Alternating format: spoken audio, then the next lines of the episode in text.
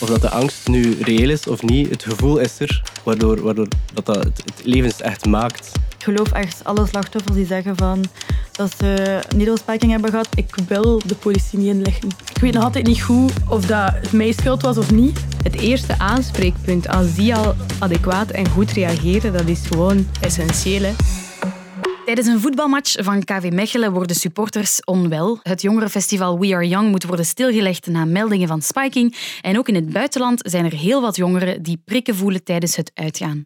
Needle spiking lijkt plots overal te zitten. Is dit een echte nieuwe trend of een prik vol schrik, zoals het in sommige kranten wordt genoemd?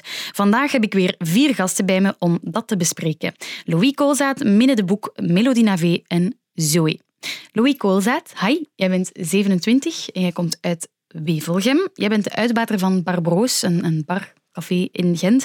En jij ziet dus ook wat er gebeurt in het nachtleven? Ja, ja vaak heel leuke tafereelen, jammer genoeg ook mindere. Mm ik vind het belangrijk om een heel vreugdevolle, maar veilige omgeving te creëren. Minne de Boek, hi, jij bent 31 uit Antwerpen. Jij bent criminologe en jij begeleidt daders van seksueel misbruik. Ja, en ik kom hier vandaag ehm, beetje toelichten hoe dat wij proberen preventief met de problematiek aan de slag te gaan. Mm Melodie Navé, hi, jij bent 25 uit Gent. Waarom zit jij hier vandaag? Ja, ik ben dus gespijkt geweest in een bar in Brussel en ik wou dus mijn verhaal delen. En ik ben ook, nu ook momenteel actief bezig in het nachtleven met Safe Spaces. En Zoe, jij blijft vandaag anoniem omdat je zelf ook gespijkt bent eh, met slechte afloop. Ja, dat klopt inderdaad. Ik ben hier eigenlijk vooral gekomen omdat ik mijn verhaal wil doen ook. En um, wat awareness te verspreiden bij de jongeren.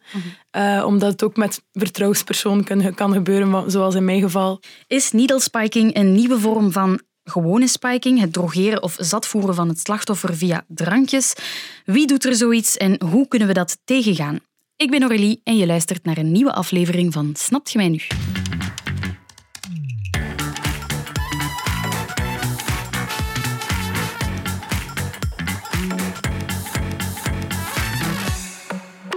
Eerste geruchten van needle spiking kwamen vorig jaar uit het Verenigd Koninkrijk. Daar zijn intussen al meer dan 1300 meldingen, uh, allemaal zonder bewijs. Meer dan 130 meldingen in Frankrijk en nu ook in Nederland en in België komen de meldingen binnen. Uh, maar ook nog steeds zonder bewijs. Op sociale media zie ik heel veel vrouwen die nu schrik hebben om uit te gaan. Uh, ik kreeg een spraakbericht van Sarah bijvoorbeeld, die het kotsbeu is om altijd op haar hoede te zijn. Ja, het is like altijd alsof we ons eindelijk veilig voelen of wanneer we eindelijk vormen van weerstand uh, hebben gevonden, zoals scrunchies die je over je drankje kunt doen om je drankje te beschermen. Uh, dan komen ze ineens af met iets helemaal anders, iets helemaal nieuw, uh, waar we ons weer tegen moeten fucking beschermen. Het is alsof dat we nooit veilig gaan zijn en dat we altijd nieuwe vormen gaan moeten vinden om onszelf te beschermen in plaats van dat mensen dat gewoon niet doen. Ja, Zoe Melody, hebben jullie ooit gehoord van needle spiking? Ja, nu wel. In de media wel natuurlijk. Zelf heb ik nog van uh, mensen rondom mij daar nog niet echt iets van gehoord, dat ze dat hebben meegemaakt of zo. Maar ik heb wel uh, op de media gehoord en zeker op TikTok ook filmpjes gezien van meisjes uit Nederland, mm -hmm. waar dat er zo'n klein gaatje in de broek zat. En dat ze effectief heel onwel zijn geweest op zo'n festival. Mm -hmm. Dus uh, dat maakt me inderdaad wel ook wel angstig. Omdat dat je daar niets aan kunt doen. Mm -hmm. Want als je een keer een prikje voelt in het uitgaan, ja, kan even ook gewoon een knoop zijn van een of andere jas. Melodie? Ja, ik, ik heb ook al veel van gehoord, maar ik vind het vooral erg gelijk dat Sarah zegt van dat wij altijd zo onszelf moeten beschermen daartegen, terwijl dat eigenlijk alle verantwoordelijkheid bij de daders liggen. Mm -hmm. dat is echt... Er is nu zo wat discussie of dat dit wel een echt fenomeen is of dat mensen zich dat inbeelden. Denken jullie dat het echt is? Wel, ja, ik kan dat nooit met zekerheid zeggen, maar als er meisjes zeggen dat er zoiets is gebeurd met hun, moet je natuurlijk wel het slachtoffer geloven, vind ik. Minne, heb jij er al van gehoord? Needle spiking? Uh, ja, een paar maanden geleden was vooral spiking in het uitgaansleven toch wel een topic dat onder de aandacht kwam. Mm -hmm. uh, en toen werd ik er eigenlijk via een collega op gewezen dat er in de UK ook wel wat meldingen waren geweest van needle spiking. En ik had toen zoiets van, maar wat een, een angstaanjagend fenomeen eigenlijk. Hè. Uh, natuurlijk, ja, de, de link tussen seksueel geweld en needle spiking is minder evident te maken. Terwijl bij spiking is die link er natuurlijk wel. Ja, want nu, elke keer dat er ehm, iemand is, zou gespiked zijn geweest met een naald, dat was niet om, om iemand te beroven of te misbruiken hè, tot nu toe? Nee, en, en het is een absurd fenomeen. Ik stel mij ook wel een beetje de vraag van uh, wat zit daarachter? Wat, wat is het motief van iemand te spiken met een naald om dan met als finaliteit om die in een massa onwel te laten worden? Hè? Uh, een van de hypotheses is bijvoorbeeld hè, ook wel wat angst zaaien. En dat is natuurlijk ook wel heel sterk wat ze nu ergens zouden kunnen bereiken. Dus dat lijkt me wel een, best wel een valabele hypothese te zijn, in die zin dat er ook op zich, toxicologisch enzovoort, nog heel weinig gevonden is dat wijst op het, op het, het fenomeen dat gebruikt wordt om seksueel geweld te plegen. Mhm. Ja, het is duidelijk, want je hoort vaak, er is geen bewijs, dus het is geen ding of zo. Um, maar ook bij het jongerenfestival We Are Young bijvoorbeeld in mhm. Hasselt zijn er 24 jongeren, dacht ik, uh, onwel geworden. En sommigen zeiden dat ze een prik hadden gevoeld, maar er is geen toxicologisch bewijs voor gevonden. Uh, ik las daarover een interessante reactie van uh, Daan op Twitter, die ik ook even aan jullie ga voorleggen. Goh, in plaats van lacherig te doen over de mensen die zich niet goed voelden op We Are Young, maar blijkbaar geen slachtoffer werden van needle spiking, zou men zich beter eens ten gronde afvragen of het nog wel normaal is dat jonge meisjes zich zo onveilig voelen als ze gaan dansen. Want misschien waren die mensen die zich nu gemeld hebben geen slachtoffer van needle spiking. Het gebeurt wel degelijk en veel te vaak. Maar als mensen dan onwel worden door de angst daarvoor, dan is dat net zo goed een reëel probleem. Zo, ik zie jou knikken. Ja, exact. Dat is echt precies allee, wat ik ook dacht. ik, ik heb enorm veel angst ervaren na mijn verhaal, dat ik straks waarschijnlijk ga doen.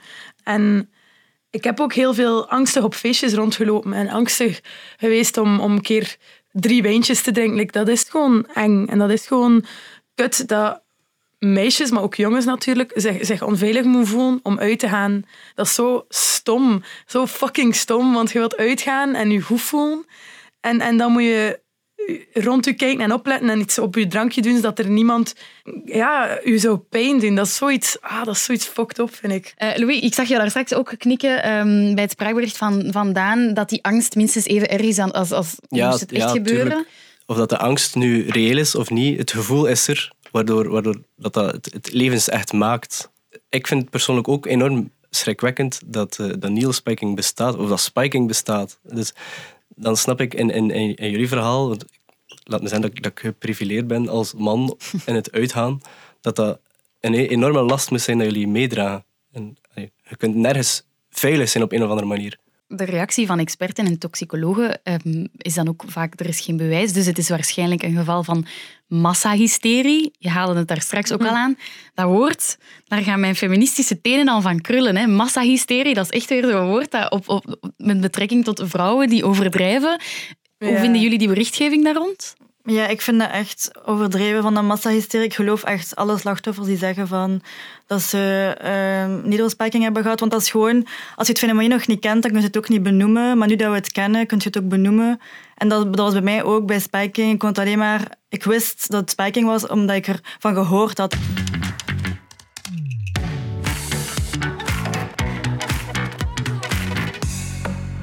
Ja, needle spiking is inderdaad een, een soort van nieuwe variant precies op uh, hetgeen wat we wel langer kennen, de gewone spiking.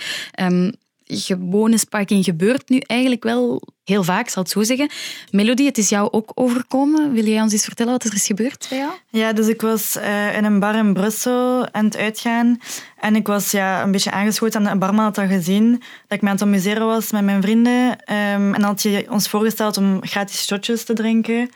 En dus ja, ik heb dat gewoon aangenomen omdat ik gewoon blij was dat ik gratis shotjes kreeg. Dat was ook de eerste keer dat ik dat had meegemaakt, dat een barman gratis shotjes gaf. Uh, en ik had er één of twee van gedronken. Um, en daarna is heel de ruimte beginnen te draaien rondom mij.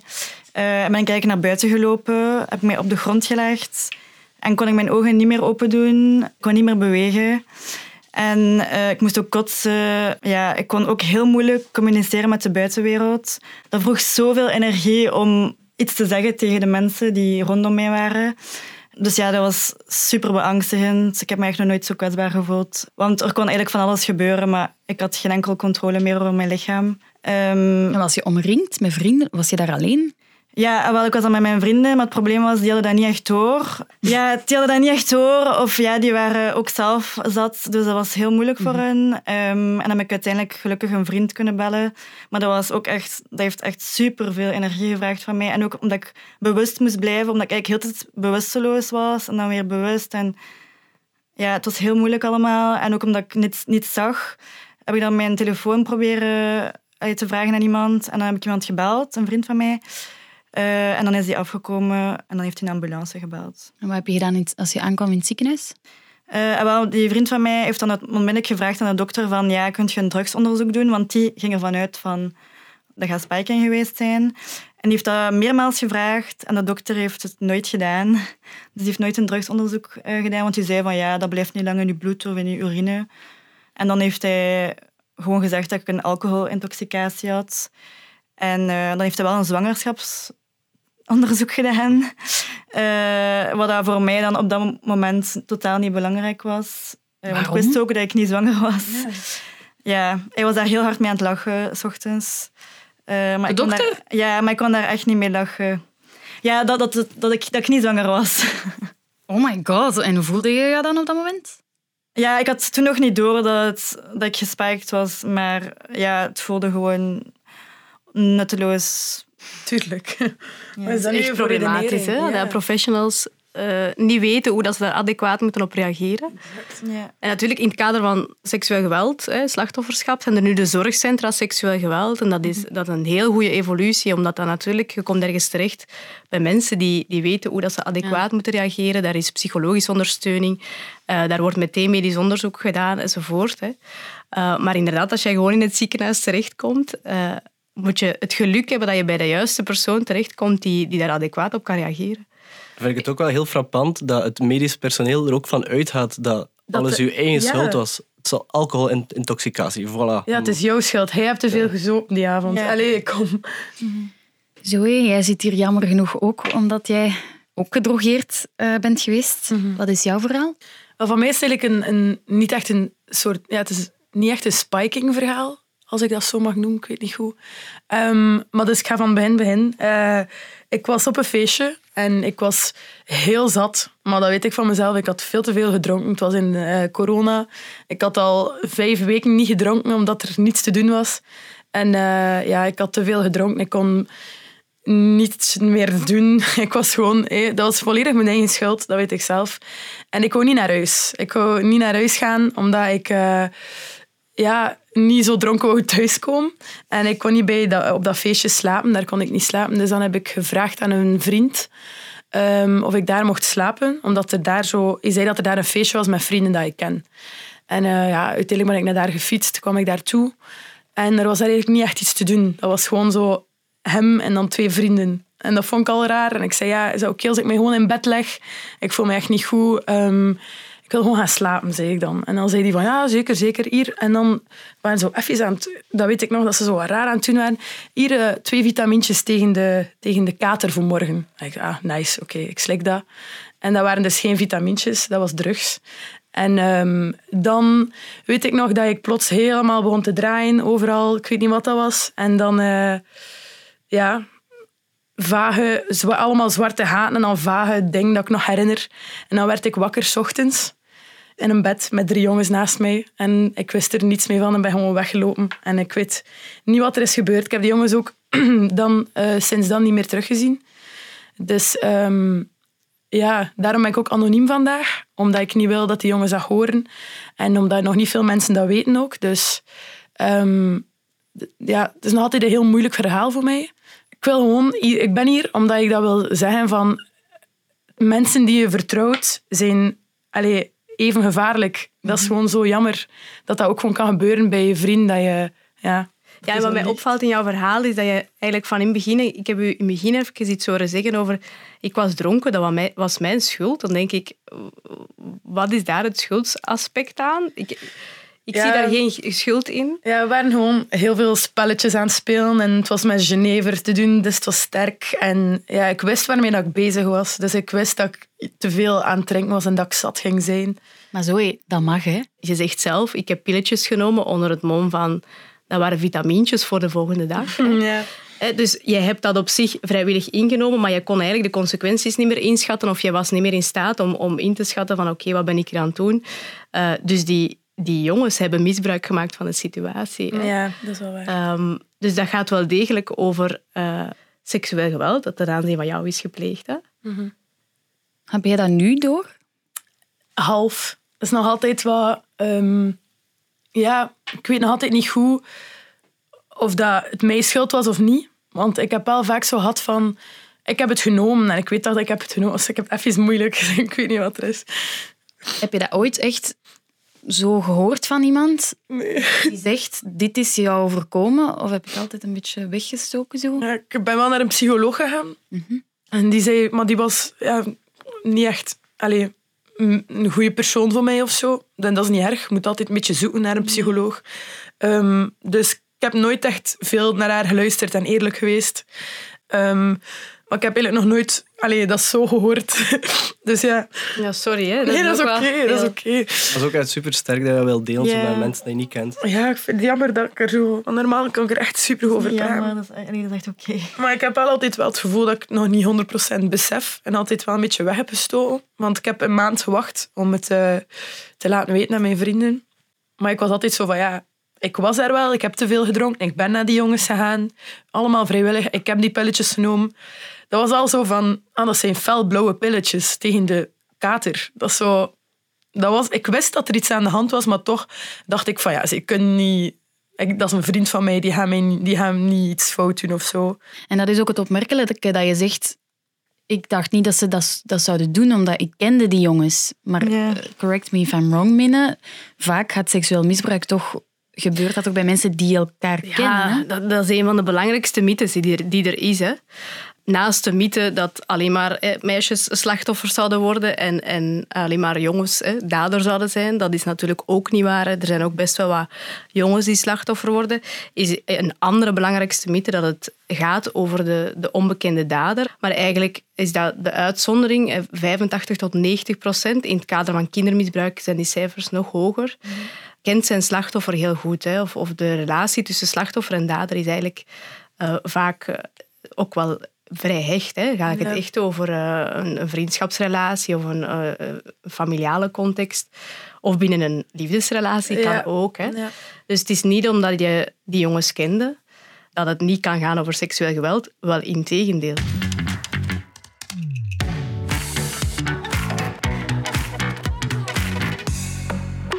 Voorkom je grensoverschrijdend gedrag en seksueel geweld? Eh, ik vroeg het ook aan expert seksueel misbruik Lisbeth Kennis. Eh, die vertelde mij dit. Ingrepen zoals nagellak die oplicht bij drugs in je drankje of eh, leren jasjes tegen naaldprikken geven een vals gevoel van veiligheid. Het is beter om voor elkaar te zorgen bij het uitgaan, samen uit en samen thuis. Ook een vorming voor barpersoneel en stewards kan ertoe leiden dat zij beter weten hoe ze kunnen tussenkomen wanneer zij grensoverschrijdend gedrag zien gebeuren. Ja, dus er zijn nu allemaal van die maatregelen voor mensen die uitgaan om zich te beschermen, zoals eh, wat is het, scrunchies, rekkers om over je beker te plaatsen, nagellak die van kleur verandert als het gespiked is. Maar dat zijn allemaal geen echte oplossingen volgens Lisbeth Kennis. Ehm, zij pleit dus voor barpersoneel opleiden. Ga je daarmee akkoord, Louis? Zeker. Ja. Ja? Het is ergens onze verantwoordelijkheid. Ik zeg niet aansprakelijkheid, maar onze verantwoordelijkheid om zo veilig mogelijke omgeving te creëren in, in uw café. En dat komt iedereen ten goede. Ik bedoel, Je wilt de mensen een zorgeloze avond geven met alcohol en drink zoveel als je wilt. Ik bedoel, geniet van, van, de, van de muziek. En wij moeten ervoor zorgen dat dat mogelijk is om daar zorgeloos van te kunnen genieten. Wat doen jullie in de praktijk? Om, eh, nemen jullie maatregelen om... Eh, maatregelen, preventieve maatregelen. Dus, dus sowieso eh, die, die cursus die door Stad Gent gegeven wordt. We hangen ook posters in de zaak. Vertel eens, cursus. Dat was naar aanleiding van, van enkele grensoverschrijdende zaken die gebeurd waren in het Gentse nachtleven. Dat Stad Gent een, een cursus, een opleiding gaf eigenlijk, waar dat we leerden dat soort gedrag herkennen. Super interessant. En jouw Ja, barpersoneel heeft dat gevolgd. Ja, klopt. Dus ik denk de, de meeste horecazaken van Gent heeft daar uh, al massen zijn personeel naartoe gestuurd. Eh, Vinden jullie dat een, dat een bar verantwoordelijk is als er grensoverschrijdend gedrag of seksueel geweld gepleegd wordt binnen de bar? Ik snap dat dat enorm moeilijk is. Want allee, je staat ook vaak een keer met een, eh, allee, met een partner te dansen. Een beetje meer seksueel. Het is natuurlijk nog uitgaan, maar dat is moeilijk om te onderscheiden natuurlijk, maar vanaf dat er iemand naar u komt, want ik heb al een keer gehoord van een vriendin dat zij naar de bar is gegaan van shit, ik denk dat er iets in mijn drankje is gedaan geweest. En ik heb ervan gedronken en ik weet niet wat er gaat gebeuren met mij. En die barman deed er niets aan. Die zei van ja, ga maar naar huis of zo, ga je bed gaan kruipen. Die deed niet. Dat is echt niet de bedoeling. En daarom vind ik het zo goed dat ze daar cursussen voor geven en zo. En, en allee, ik, ik snap dat dat zo enorm moeilijk is om dat, om dat te zien. Zeker als je bezig bent met werken. Maar vanaf dat er iemand naar u komt en zegt van help, dan help je. Ja, wel, en dan gaat het echt over adequaat reageren. Eh, In een ideaal scenario kan je inderdaad voorkomen dat het in de eerste plaats gebeurt, Ja, maar je kan de seksuele dader er niet uithalen. Eh, ik kom dagelijks in contact met, met plegers van seksueel geweld. Ik kan ze er ook niet uithalen, dus laat staan een barman die ondertussen ook nog bezig is met eh, pintjes stappen en andere dingen. Eh, maar dus ja, uiteraard, ide ideaal scenario is het voorkomen dat. En daarvoor neem je preventieve maatregelen. Kan security inderdaad ontradend werken. Maar het andere is ook wel, als iemand slachtoffer wordt, ehm, van adequaat reageren. Ik vind ook dat allee, veel bars zeggen zo van iedereen is welkom. Maar ik vind dat een verkeerd principe sowieso al. Niet iedereen is welkom. Mensen die discrimineren, die seksueel geweld plegen enzovoort, of racistisch zijn, die zouden bijvoorbeeld niet in mijn bar mogen binnenkomen. Dus niet iedereen is welkom. En allee, sommige clubs doen dat al zo preventief, eh, positief discrimineren. Dus eigenlijk zeggen van, eh, dus je zegt van wat dat je reglement is in je, ja, in je club of wat dat je eh, belangrijke waarden zijn voor je, voor uw bar. En dat zeg je gewoon aan de ingang. En als je merkt dat de mensen het niet snappen, of als ze lastig beginnen doen of zo, gewoon zeggen van ja, sorry, jij gaat niet naar binnen. En dan, heb je, dan selecteert je eigenlijk je publiek al. Natuurlijk kun je dat niet altijd voorkomen dat er geen seksueel geweld is, maar op die manier allee, elimineert je toch al zo een paar mensen.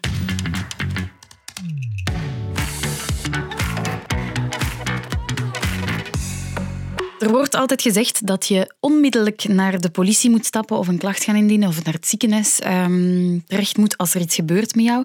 Maar in de praktijk gebeurt dat zelden. Ik sprak met uh, Maite Meus, de oprichter van de Instagram-pagina Balance ton Bar. Uh, zij verzamelt getuigenissen van slachtoffers van seksueel geweld in het nachtleven. Louis, ga met jou beginnen. Wat vind jij van pagina's zoals Balance ton Bar? Um, een moeilijke oefening. Voor iemand die een bar heeft? Ja, ja omdat, dan keer je zo wat terug naar, naar het idee dat de bar ergens aansprakelijk is. Mhm. En ik, naar mijn gevoel, zolang dat de, de bar met de goede wil er alles probeert aan te doen om een veilige omgeving te creëren, vind ik dat moeilijk om ergens een soort heksenjacht te voeren op, op de bars. Maar aan de andere kant is het wel op zo'n manier dat er over gepraat wordt. Dat, uh, dat like, ik ben meer vertrouwd met Meldit. Dat is een beetje de Gentse variant van uh, Bar. En toen kwam dat echt allemaal ter sprake en mensen durfden daarover praten. Mm. En dat was voor mij een belangrijk as aspect van, van heel die, uh, die pagina.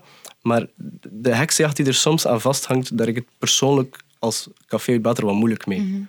En zorgt dat er niet voor dat jullie dan nog meer gaan opletten? Dat is misschien op een heel onaangename manier, maar zorgt dat er niet voor dat jullie extra maatregelen gaan nemen daarvoor? Ja en nee, omdat je zit ook ergens wel met een rancune, omdat er toch ergens een schuld in je schoen geschoven wordt, waar we zeker geen, geen eindverantwoordelijke van zijn. Ja, zij krijgt dus heel veel getuigenissen van vrouwen die, um, die, die liever naar haar komen, omdat er vaak geen bewijs is. Dus de daders gaan vrij, dus ze worden geloofd. Um, en zij is dan de enige outlet waar dat die vrouwen terecht kunnen.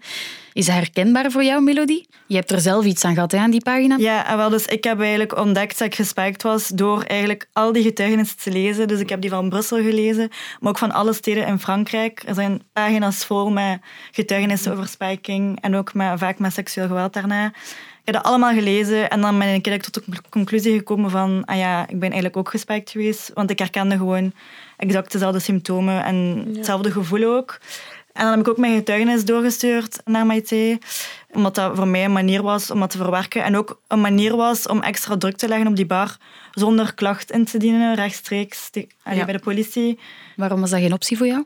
Omdat ik sowieso al geen vertrouwen heb in de politie en zeker niet bij zulke dingen. Mm -hmm. Dacht je dat je niet serieus ging genomen worden? Ja, want zeker als je al merkt dat je eigen omgeving je niet gelooft, dan vraag je je af van hoe gaat de politie mij ooit geloven? Zeker zonder bewijsmateriaal. Um, dus ik heb geen bewijs dat ik gespekt ben geweest. Dus de politie kan gewoon zeggen van ja, werd je niet gewoon te zat? Allee. Net als de dokter. Mm -hmm. En, en geloofde jouw eigen omgeving jou ook niet? En wel, er was heel veel twijfel. Sommigen zeiden van ja, maar je hebt gewoon veel te veel gedronken. Ehm, maar het ding is gewoon, mensen kunnen dat zeggen, maar ik heb mijn lichaam en ik voel wat er gebeurd is.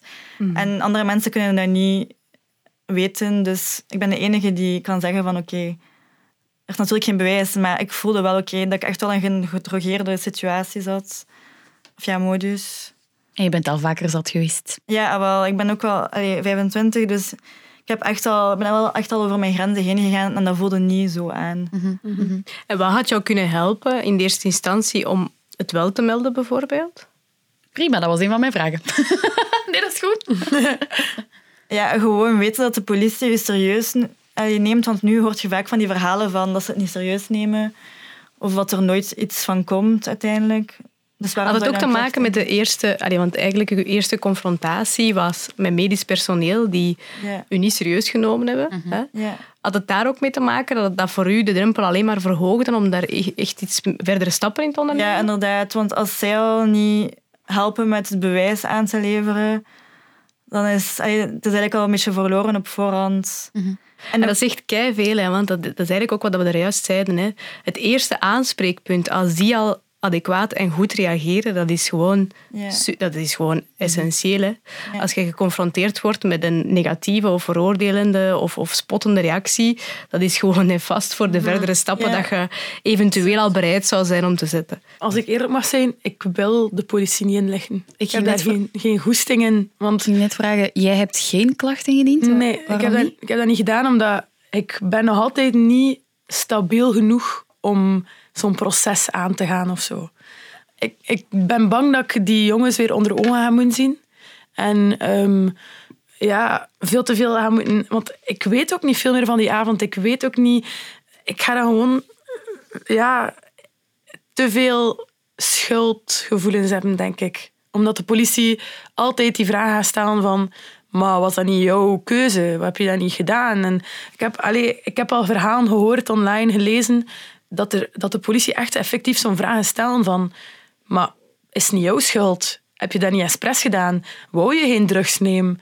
Dat, is zo, dat kan ik niet aan. Die vragen kan ik niet aan. Ik had ook niet, niet de intentie of zo om hulp te zoeken. Omdat ik eerst mezelf moest ja, zeggen van dit is er gebeurd. Dat heeft mij twee maanden geduurd tot ik echt besefte wat er was gebeurd. En zou een zorgcentrum, zo'n gespecialiseerd zorgcentrum, dan wel helpen voor jou?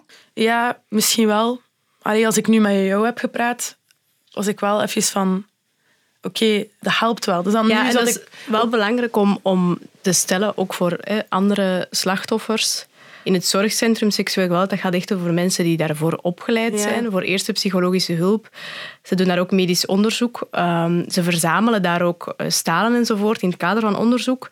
Maar jij kiest zelf of dat je een, een aanklacht indient of niet. Dus zij werken samen met politie, maar dat is wel jouw keuze. Eh, en ik geloof, ik ben niet helemaal zeker, maar ik denk dat het gaat over een termijn van zes maanden, dat ze ook wel het, eh, het, het onderzoeksmateriaal bijhouden. Eh, en dat je eigenlijk zes maanden hebt om, om na te denken of om voor jezelf te overwegen, wil ik een, een aanklacht indienen of niet. En Mine, kan Zoe daar nu nog terecht? In principe wel. Wat wel is natuurlijk voor onderzoek, naar toxicologisch onderzoek bijvoorbeeld, hè, is, is het aangewezen om binnen de 24 uur wel eh, naar zo'n zorgcentrum te gaan.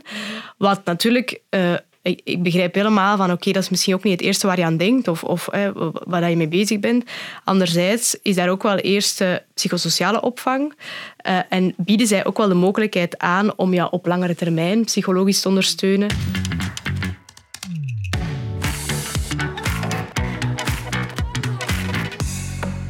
Alright, dan ga ik eh, eindigen met een laatste vraag aan iedereen. Ehm, als er één ding is dat jullie konden veranderen aan het systeem om, om, dit te verhelpen, wat zou dat dan zijn? Melodie. Ja, ik zou eh, sowieso de seksuele opvoeding echt anders doen. Als is niet zoals ik die heb gekregen. Eh, daar veel uitgebreider op ingaan, meer over toestemming praten. In plaats van enkel over voortplanting. Ja, inderdaad. Maar echt, dat mensen echt weten wat dat is, wederzijdse toestemming. Ehm, en ja, gewoon veel meer uitgebreid. En ook niet gegeven door leerkrachten, maar echt mensen die gespecialiseerd zijn daarin. Ja, en ook de mensen bereikt worden die er het meest nood aan hebben. Ik bleef altijd het gevoel hebben dat dat, wel in de, dat, dat blijft preken voor de eigen parochie. Dat, daders dat toch niet horen. Of dat families toch niet hun kinderen anders beginnen opvoeden opeens. Omdat de mensen die daar oor voor hebben, voeden hun kinderen waarschijnlijk al netjes op. Leren ze goede manieren. Ja, ik denk dat school daar wel een goed begin voor zijn. Om uh, meer... Ik heb vanaf het eerste of tweede middelbaar geen seksuele opvoeding meer gehad. En ik vind dat dat niet juist is, want kinderen en jongeren gaan uit vanaf derde, vierde middelbaar. Ik vind dat dat zeker dan nog extra, zoals jij ook zei, extra informatie over moet worden gegeven op mhm. seksueel vlak ook. En zodat ze jammer genoeg hun kunnen beschermen daartegen. Moest ik daar al les over hem gehad? Of, of over hem had waar ik terecht kon? Want ik wist niet dat er bijvoorbeeld zo'n zorgcentra was. Of moest ik weten dat, dat er zo'n, zoiets kan gebeuren, denk ik dat ik misschien wel eerder naar een psycholoog zou gestapt zijn of eerder naar um, allee, hulp zou gezocht hebben. Mina, als er één ding is dat jij kon veranderen, wat was het dan? wat meer overkoepelend, maar het past eigenlijk, allee, onze wensen naar verandering passen er helemaal in. Ik zou meer middelen willen investeren in preventie. Ik vind dat we nog altijd veel te veel aan te reageren zijn en reactief uh, met de problematiek aan de slag gaan. We moeten in de eerste plaats voorkomen dat het gebeurt, hè, dat voorkomen dat er slachtoffers vallen, uh, in de plaats van altijd te reageren als het te laat is. Is dat volgens jou een goede tactiek als um, mensen zoals uh, Zoe en Melody hier komen getuigen? Denk je dat dat bijdraagt aan een verbetering? Uh, absoluut, absoluut. Ik vind dat ook heel moedig dat jullie dat doen. En ik denk zeker bepaalde fenomenen die plaatsvinden onder jongeren, dat dat nog wel extra kracht kan bijzetten als er, ik noem dat een lotgenoot eigenlijk, iemand die hetzelfde heeft meegemaakt, dat ze horen dat ze niet alleen zijn. Mhm. En dat kan dus zeker de stappen verlagen om ondersteuning te zoeken of om er inderdaad mee naar buiten te komen. Want zoals jij ook zelf zegt, van het heeft best wel lang geduurd dat ik er durfde met iemand over praten vanuit dat schuldgevoel enzovoort. Mhm. Als zij jullie verhaal gaan horen, dat, dat zij dat zich eigen kunnen maken en kunnen horen, want ik hoef me niet schuldig te voelen. Dat ligt hier niet bij mij, die oorzaak. En tegenover daders, denk je dat dat ontradend werkt voor daders als je hoort van oei, slachtoffers komen daar effectief mee naar buiten?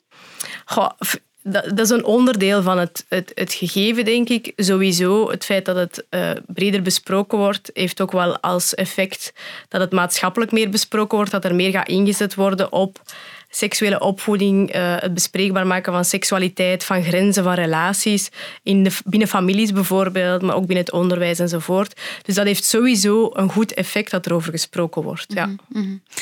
Oké, dat was een heel interessant gesprek. Ik wil jullie alle vier bedanken, Melodie, Louis, Minne en Zoe. Dank jullie wel. Heb jij na deze podcast nood aan een babbel of ben je zelf slachtoffer van seksueel geweld? Bel of chat dan anoniem met 1712 of surf naar www.seksueelgeweld.be.